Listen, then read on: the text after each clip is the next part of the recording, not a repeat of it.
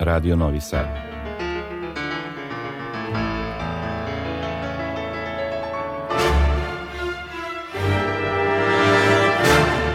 Domaća muzička scena.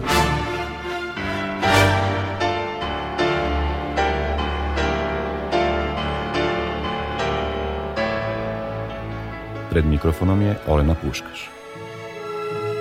Dobroveče i dobrodošli u novo izdanje ove emisije – Ovoga puta zajedno ćemo preslušati najnoviji snimak iz naše produkcije.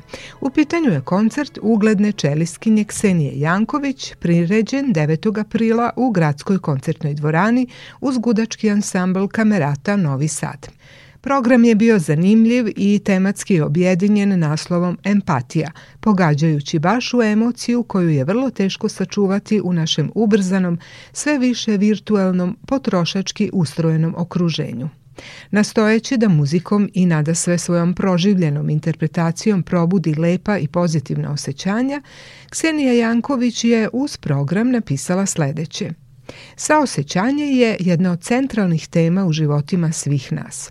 Još od detinjstva mi se vežbamo u otvaranju granica razumevanja nepoznatog. Vežbamo se u sposobnosti saosećaja prema drugima, sposobnosti razumevanja drugih kroz njihova osjećanja i interese.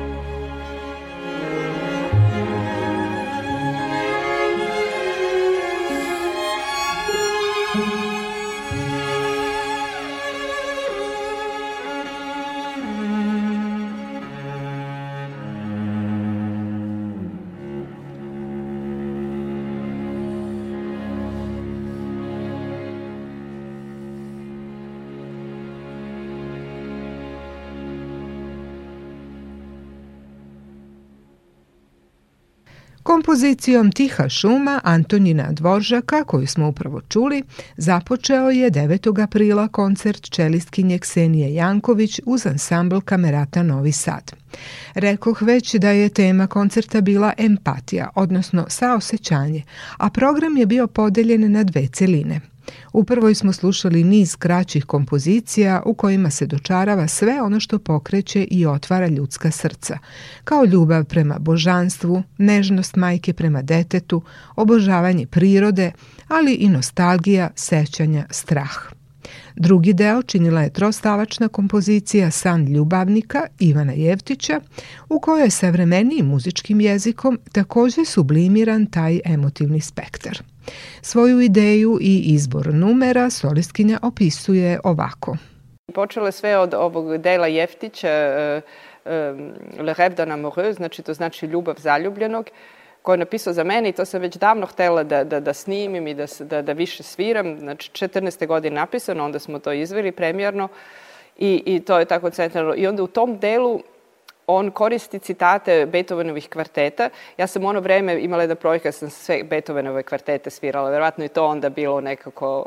Uh, I mi se poznajemo strašno dugo i, i, i uvek smo vrlo tako intenzivno um, sarađivali. I onda jako dive znam da on... Um, on recimo strašno uh, uh, nekako ceni Beethoven, on, on sta, voliša Stakovića Bartoka, ali Beethoven je uvek, mislim, to je za njega nekako taj najveći ideal. Mada on nije toliko govorio o toj strani Beethovenove uh, filozofije, znači taj humane, neke su stvarno veruju u pozitivne strane čoveka i mislim, bez obzira na njegovu vrlo tešku sudbinu, on je ostao strašan optimista. Kod njega se većina dela završava optimistički. Mislim, uvek ostaje optimista i to što znamo, što je pisao i što je govorio, uh, Um, kod nekih kompozitora se uvek sve završava tužno, kod Šuberta se teš, te, često završava sve tužno. E, to je tako nekog od Beethovena, neka strašna energija i snaga i... I onda je, u, u suštini, mislim, ta neka centralna, e, centralna tema je uvek os, i ostaje ljubav, jel? Znači, e, ukoliko čovek nema nekih strahova i, i, i ukoliko nije pod nekim užasnim stresom, onda u čoveku postoji ljubav Znači, čovek u suštini nije, nije loš i neće da pravi rat i neće da ubija, ali ubija zato što se plaši nečega. Ja sam to sa tom empatijom, već ranije, mislim, uz to delo Jeftića sam pokušala da, da pronađem kompozicije koje na neki način stvaraju atmosferu i negde imaju neki, neki background, kao neku pozadinu različitih vrsta ljubavi, recimo ljubav između majke i deteta koji nešto tako naj, najčistije, jel, recimo ove Čakovske, taj Andante Cantabile. Interesantno da je Čakovski obe kompozicije, taj Andante Cantabile, Pezzo Capriccioso, pisao u različitim periodima svog života, ali u periodima kad, kad je jedan, prvo jedan, a posle drugi, prijatelj bio vrlo bolestan na samrti. Tako da, ovaj, vrlo interesantno, baš te dve čelo eh, stvari koje se puno sviraju. Znači da, onda recimo kod Voržaka se, se provlači ta nekako ljubav prema, prema domovini prema, prema, prema i toj prirodi gde je on, pošto ove kompozicije pisao pre nego što je otišao u Ameriku, kad je on mislio da će on emigrirati za uvek u Ameriku i onda je napisao te dve kompozicije kao za oproštene koncerte i, i, i tu se osjeća stvarno ta, ta brsta ljubav i Onda, onda nekako u Glaznovu isto tako, prosto to, to neki menestreli koji, koji pričaju recimo tako ja to zamišljam, pričaju priče o raznim narodima i njihovim patnjama i njihovim traženjima i tako. Mislim, to su tako neke te veće priče. Tako da mi se čini da, da, da ceo taj program, svako delo ima ne, neki svoj izraženi sveta gde, gde se uvek u, u, radi o ljubavi, baš onako, pošto su vrlo kratke kompozicije i tako svaka stvar. Znači, prva je svakako koja se, Dvoržakova koja se, koja se zove e, Šumski mir je, je e, o prirodi, znači taj, taj mir i, i inspiraciju koju čovek kroz prirodu dobija.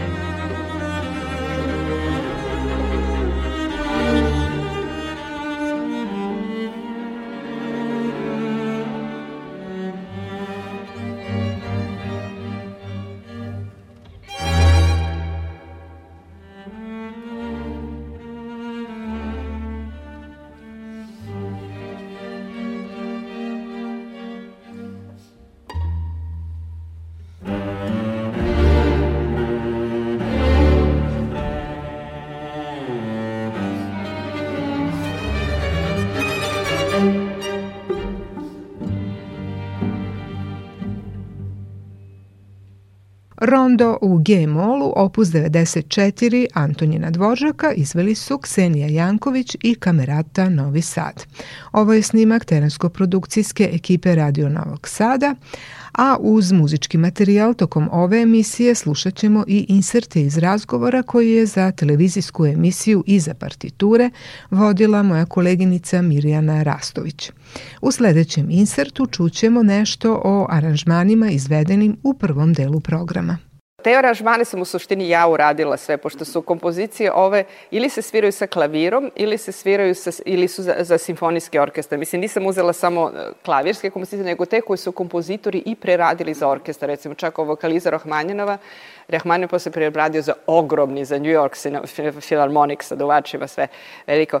E, znači, ovaj Šumski mir i, i Rondo isto za simfonijski orkestar. Šumski mir je za veliki orkestar, Rondo je samo za dve oboje svoje dve horne i, i gudače, glazonom isto za velike orkestra, Chandru Minestrel. Sad to uglavnom poznajemo kao samo sa klavirom, kompozicije sa klavirom. Međutim, sve velike simfonijski orkestre. Ovaj Andante, inače, Čekovskog je Pecu Capriccioso, isto veliki simfonijski orkestar.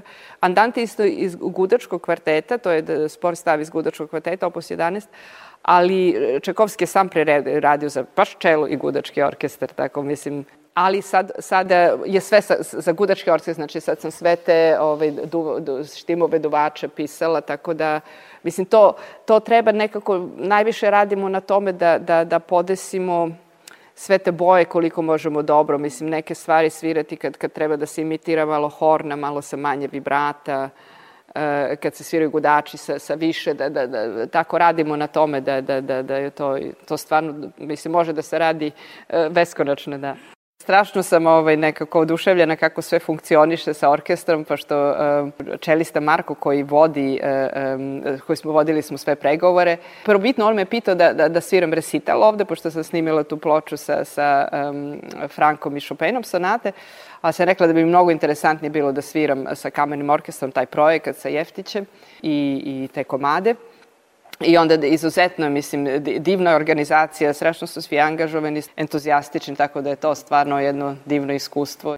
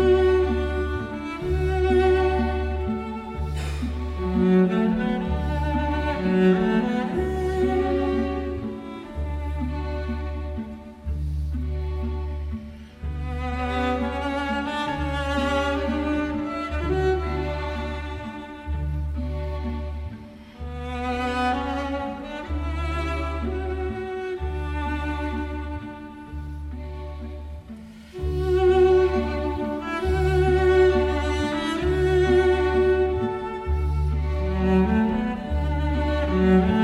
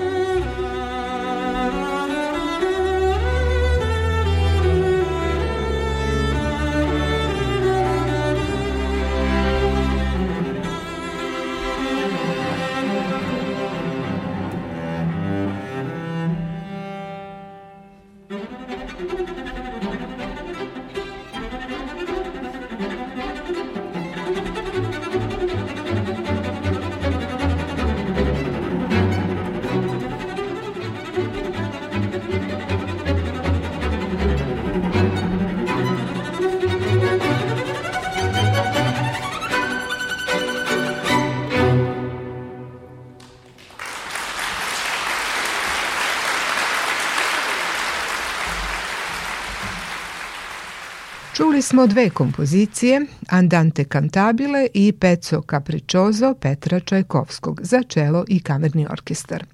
Snimak je zabeležen na koncertu Ksenije Janković i ansambla Kamerata Novi Sad. Ksenija Janković za sebe ima više decenijsku sjajnu karijeru soliste, nastupala je sa vrhunskim umetnicima današnjice, a evo kako sada gleda na pređeni umetnički put i sadašnji trenutak u karijeri počela sam da sviram e, vrlo rano i nekako uvek sam rasla sa muzikom zato što su oba moje roditelja muzičari, mama pijaniskinja, e, tata dirigent. I, e, I nekako stvarno sam bila očarana muzikom. To se ponekad de, dešava u porodici muzičara da, da deca na neki način ne zavole muziku zato što muzika odlači roditelja od njih. I to se recimo desilo kod mog sina. On, on je vrlo sposoban za muziku, ali je uh, zato što nekako uvek, uvek je ta muzika nas negde odvlačila, to je svi smo putovali, moj suprug i ja puno, tako da um, je, može da bude takav slučaj. Kod mene nije, moji, moji roditelji su bili izuzetno dobri pedagozi, baš za rani uzrast. Moj tata je svaki dan sa mnom vežbao, počela sam čelo sa šest godina da sviram i svaki dan je sa mnom vežbao. Ne samo što je vežbao, nego je pisao nove kompozicije male, svaki dan, novu kompoziciju za mene imam tih malih svezaka gde je on recimo pisao e, kao Bekica, tako su me zvali svi u kući, je vrlo dobro vežbala danas, 5 plus. A Bekica nije, nije uopšte dobro vežbala i svirala 5 minus. Znači, to je bilo najgore što je moglo da bude, bilo 5 minus. Tako da, da mislim, ne, nekako Čak se sećam da kad smo išli na, na, na kampiranje, kad smo išli u, u, na raspust, jel, nosili bi to moje malo čelo sa nama i onda bi moj tata meni drzao solfeđo, isto ja bi vežbala čelo, on bi mi zviždao vežbice, ja bi to zapisivala. Tako da ovaj, muzika je nekako za mene bilo uvek neka vrsta e, igre i zabave. I to se kaže, na mnogim instrumentima se kaže to play a music, igrati na instrumentu. E, znači, svirati, svirati znači igrati se, jel? Igrati, na igrati se na tom, čelu, na tom instrumentu. Um, I možda je to tako neki, ovaj, uh, sreće u mom životu. Mislim, toliko različitih e, mogućnosti kako se čovek bavi svojom profesijom. Ja ne mogu da kažem da, da, e, da za mene ova profesija nije stresna. Ona je, mislim, s jedne druge strane vrlo stresna zato što ja takođe posjedujem tu e, osobinu neke fanatičnosti da ne mogu da prestanem. Ne mogu da prestanem kad me nešto interesuje, kada vidim da još nije dobro ili kad nije to što bi ja htela da bude. E, mada većina drugih ljudi ne primećuje tu razliku. Mislim da je to vrlo često kod umetnika, mislim i slikari, oni recimo strašno dugo dorađuju neke stvari, neko sa strane to uopšte i ne vidi, ali mislim to dok ne bude to što treba, Tako da tu vrstu fanatičnosti ja strašno um, jako posedujem. Tako da mogu noćima recimo da vežbam i da, se, da do nečega um, pokušam da dođem ili kad pravim neke aranžmane, onda recimo sad na tim kompjuterskim programima pravim aranžmane, I uopšte ne primetim, počnem recimo uveče u 10 i ne primetim da je 8 ujutru. I to sigurno nekako nije dobro za, za, za, za zdravlje, recimo. Ali, kažem, takav, tako nekako, takav je moj temperament. A što se tiče, e, da, bavljanja e, muzikom, kažem, Evo, čak, čak i kad nemam koncerata, za mene je najlepše, pošto sad živim malo van Berlina na jednom jezeru, kupila sam tako neke male kućice. Znate kako je bilo ranije u Istočnoj Nemačkoj, su bile tako neke male kućice za odmor, omladin ili tako dalje. I to jedno vreme moglo u blizini, tako kad, normalno kad je sve postalo ista država, moglo je dosta ovaj, um, povoljno da se kupi i onda sam to kupila, međutim to traje strašno dugo da se to sve nekako renovire i sada na kraju se spremam da sagradim taj studio zato što bi tako htela da, da um, tako sa kolegama ili sa mlađim kolegama prosto se igramo muzikom, ali na jednom visokom nivou, jeli, da se bavimo baš možda isto u toj stresnoj situaciji. Mnogo znači kad je čovek e, u prirodi, Mislim, čak i ko ne, ne spava celu noć, nije tako zamorno, zato što onda izađe, okupa se u jezeru i ne znam, tako dalje mislim nekako idealno kad na neki način može da se bavi time samo tom suštinom, ne mora da misli o tome kako od toga da preživi, kako da postigne time uspeh, šta će drugi da kažu i tako dalje i tako dalje.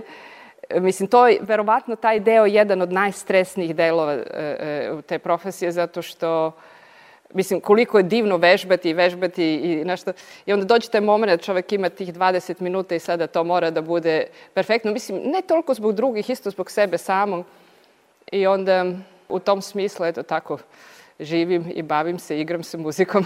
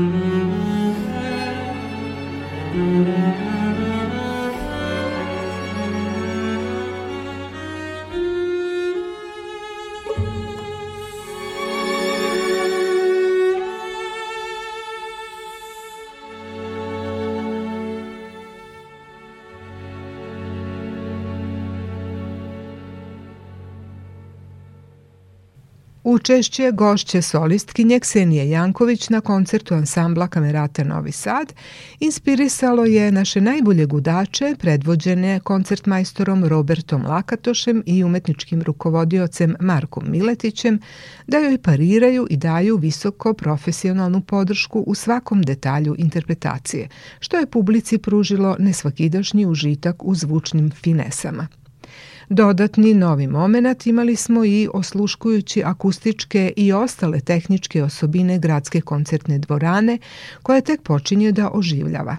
Još uvek se istražuju mogućnosti podešavanja veličine podijuma i najboljeg pozicioniranja izvođača kako bi emisija zvuka bila što optimalnija, ali je sigurno da komfor koji tu imaju i izvođači i slušaoci nadmašuje sve dosadašnje koncertne prostore našeg grada.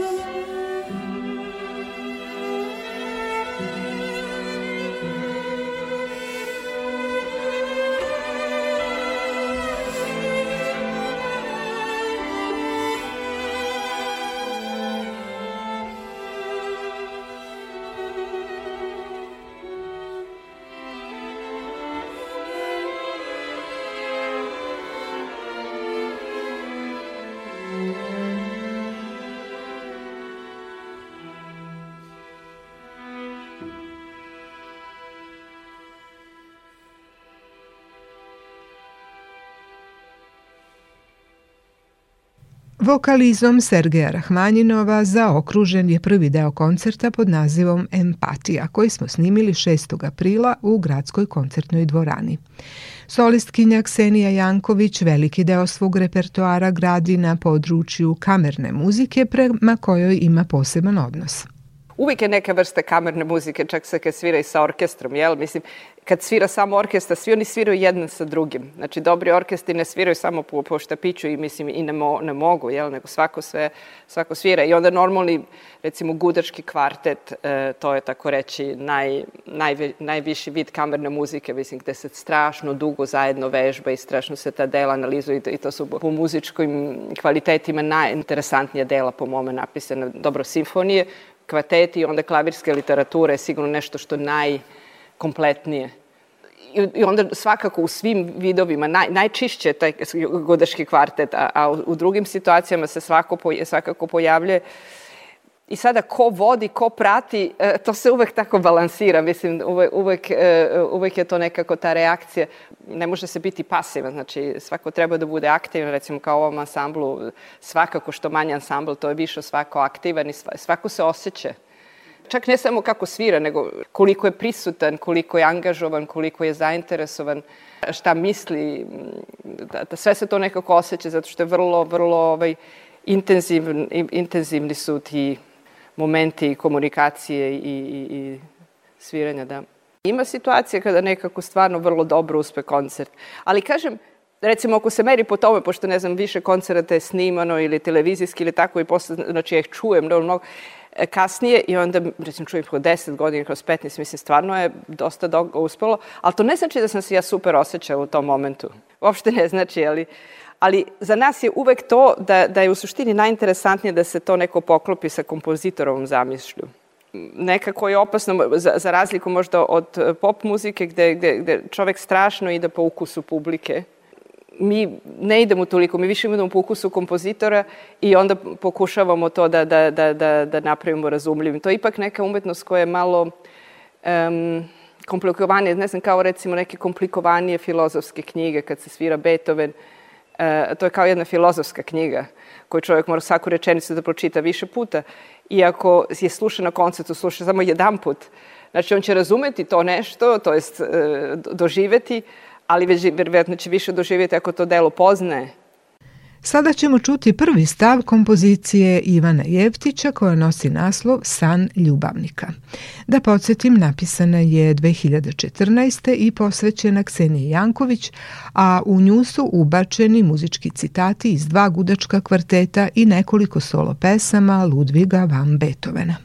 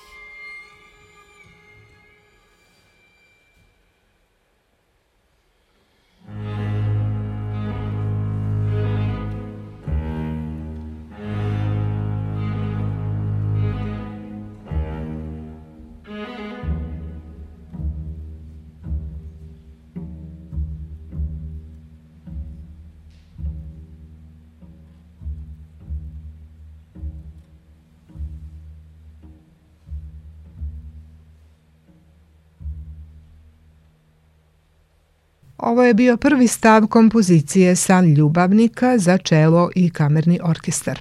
Autor je Ivan Jeftić, a izvođači na ovom snimku su Ksenija Janković i ansambl kamerata Novi Sad. Pre nego što čujemo nastavak ovog dela, evo šta je Ksenija Janković rekla o velikim muzičarima koje je sretala i koji su najviše uticali na nju. Pošto sam ja, znači, počela da studiram u, išla sam u školu u Mosku sa 11 godine i onda je bio Rostropović, on je bio tamo normalno i on je bio moj tako mentor, ja sam bila kod asistente i onda sam išla kod njega, me nešto ručio, posle sam bila kod uh, Pierre Fournija u Ženevi i posle toga sam bila kod Andreja Vara u Detmoldu i onda sam umeđu vremenu, posle svega toga, ja mislim napolje od 20, 22 godine, 21, 22 godine, mislim tako rekao što dosta rano to sve završila, sve te studije i, i onda sam um, znači počela da sviram koncerte i tako dalje, onda, onda je pr prvi moj onako intenzivan kontakt je bio kad me Gidon Kremer pozvao na svoj festival u Locken House. I onda moram da priznam da sam bila dosta izgubljena zato što um, ne znam, tako, to, to zajedničko sviranje, nis, nisam toliko to, to praktikovala do toga. Mislim, ja smo mi u Moskvi imali kamernu muziku, ali to nije, i u Ženevi sam imala ispit kamerne muzike, svirala sam Schuberta trio, jedan Beethoven kvartov i tako ali um, mislim da još nisam razumela sve to šta, šta se dešava i kako se dešava.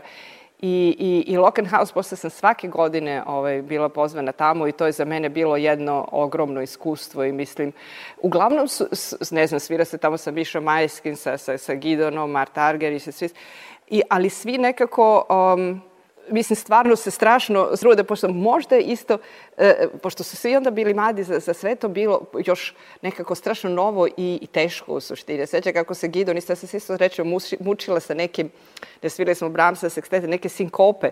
I, I onda nije samo meni bilo teško, i njemu je bilo teško. Ja da sećam da baš sam sa svojim suprugom celu noć smo sedeli, ja, ja, ja on bi bi svirao temo, ja bi te sinkope svirala da, bi, da prosto ne, ne, ne, ovaj, ne, ne oduzimam vreme od proba, od ansambla, zato što nikako nisam mogla, uvek me odvuče glavna tema, pošto sam to više navikla da sviram. Ili ono kao u horu kad se peve, kad se ne pravi glavni glas, nego donji, da, da čovek ne ide stalno gore, jel?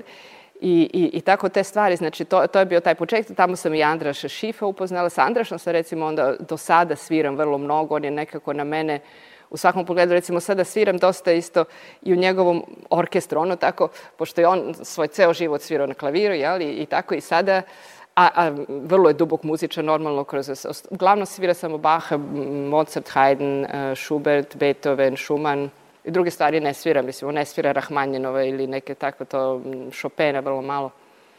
I, i sada, recimo, sa njima, sa njim, onda on je tako svoje prijatelje e, e, napravio jedan manji orkestar, sviramo recimo i Brahmsa simfonije, sve Šubeta simfonije smo svirali, Mozarta, sviramo neke Mozarta opere u, u Salzburg e, na Festspielen, tako da E, to je isto strašno, strašno interesantno da sam tako na visokom nivou, znači svako od nas se spremi, kupimo partituru, sve to lepo i studiramo da, da znamo da, jel, on diriguje, jel, on diriguje, mislim, on nije pravi dirigent, jel, ali, ali e, da jedan način muziciranja.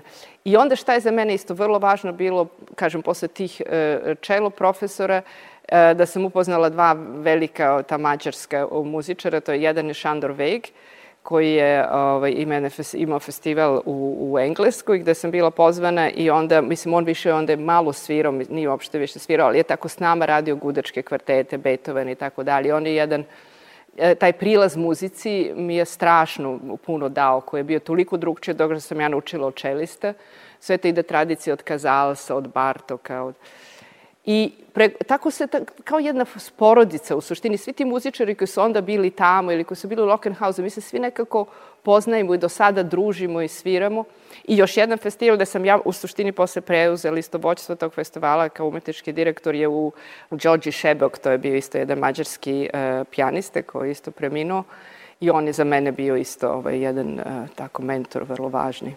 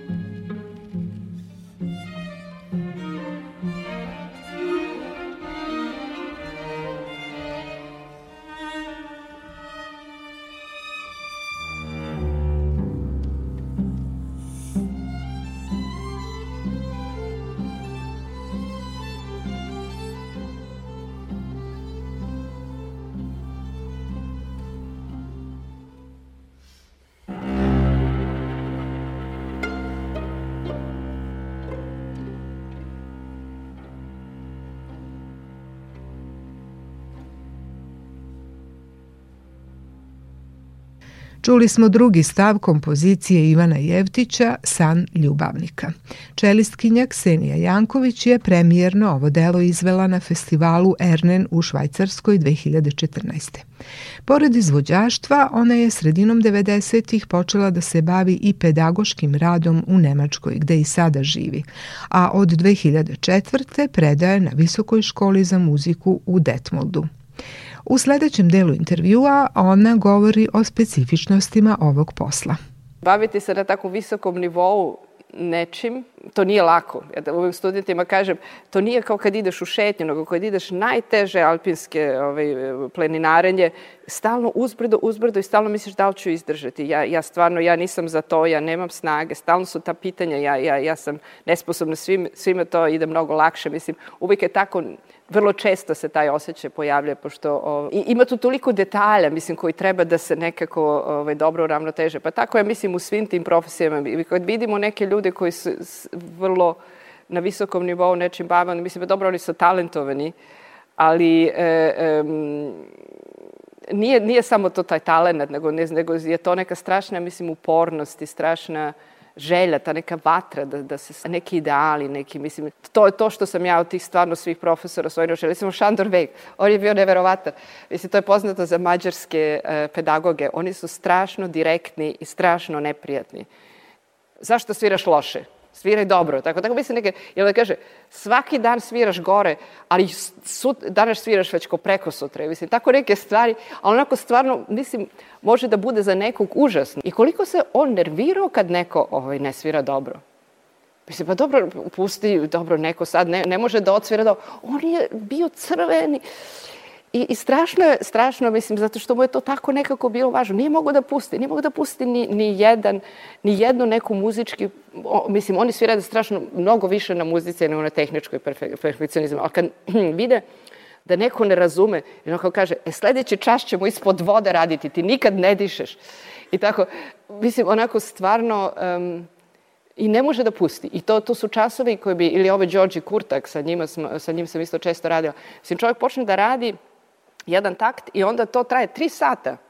I može da traje još neko. Ja sam tako isto u početku, ja sam tako držala časove noćima u Zagrebu, što bi imala ključ i onda nikako da prestanem. Sad sam postala disciplinavili sati i po i onda dosta. Muzika